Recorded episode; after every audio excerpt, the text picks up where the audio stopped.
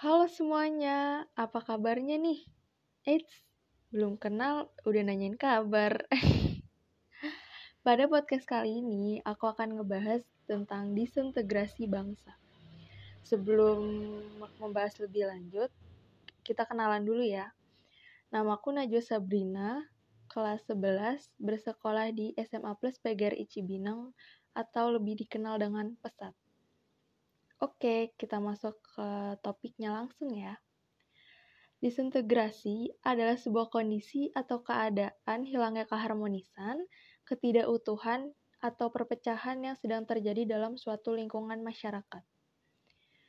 Penyebab disintegrasi bangsa itu ada bermacam-macam. Yang pertama, yaitu kurangnya penghargaan terhadap kemajemukan yang bersifat heterogen. Yang kedua, ada kurangnya toleransi antar golongan. Yang ketiga, adanya ketidakpuasan terhadap ketimpangan hasil-hasil pembangunan atau bisa lebih dikenal dengan ketidakadilannya pemerintah.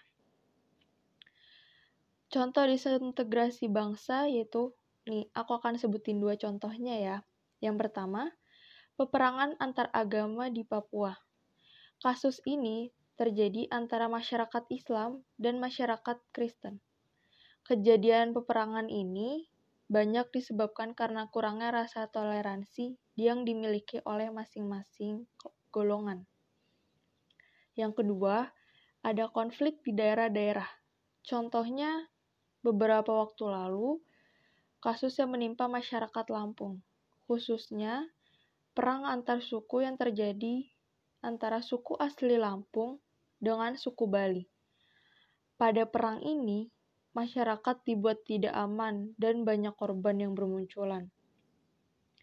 Dampak dari disintegrasi bangsa itu yang pertama, ada timbulnya perpecahan.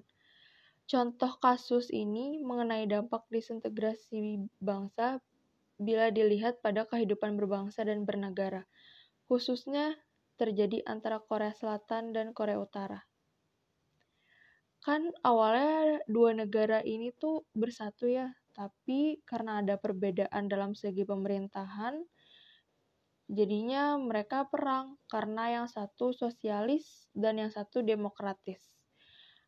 Akhirnya perang ini tuh untuk menunjukkan seberapa kuatnya pengaruh mereka gitu. Yang kedua yaitu desintegrasi bangsa dapat mendorong adanya berbagai contoh permasalahan sosial. Hal ini dilakukan dengan alasan kondisi masyarakat dalam ketidakbersatuan yang akhirnya memunculkan keadaan yang rumit untuk mencapai tujuan secara bersama-sama. Nah, selanjutnya ada cara penanggulangannya nih. Yang pertama, menghidupkan dan membangun terus komitmen, kehendak, serta kesadaran untuk bersatu. Karena kita kan hidup di negara Indonesia ya, yang sudah jelas ada beragam suku, bangsa, agama, ras. Jadi otomatis kita harus menghargai perbedaan-perbedaan tersebut. Yang kedua, ada membangun kelembagaan yang bernorma dan bernilai untuk menyuburkan persatuan dan kesatuan bangsa. Yang ketiga, ada merumuskan kebijakan serta regulasi yang konkret, tepat, dan tegas dalam segala aspek kehidupan serta pembangunan bangsa yang mencerminkan keadilan untuk seluruh pihak dan seluruh wilayah. Nah, segitu dulu ya podcast tentang disintegrasi bangsa. Sampai ketemu di podcast selanjutnya. Bye!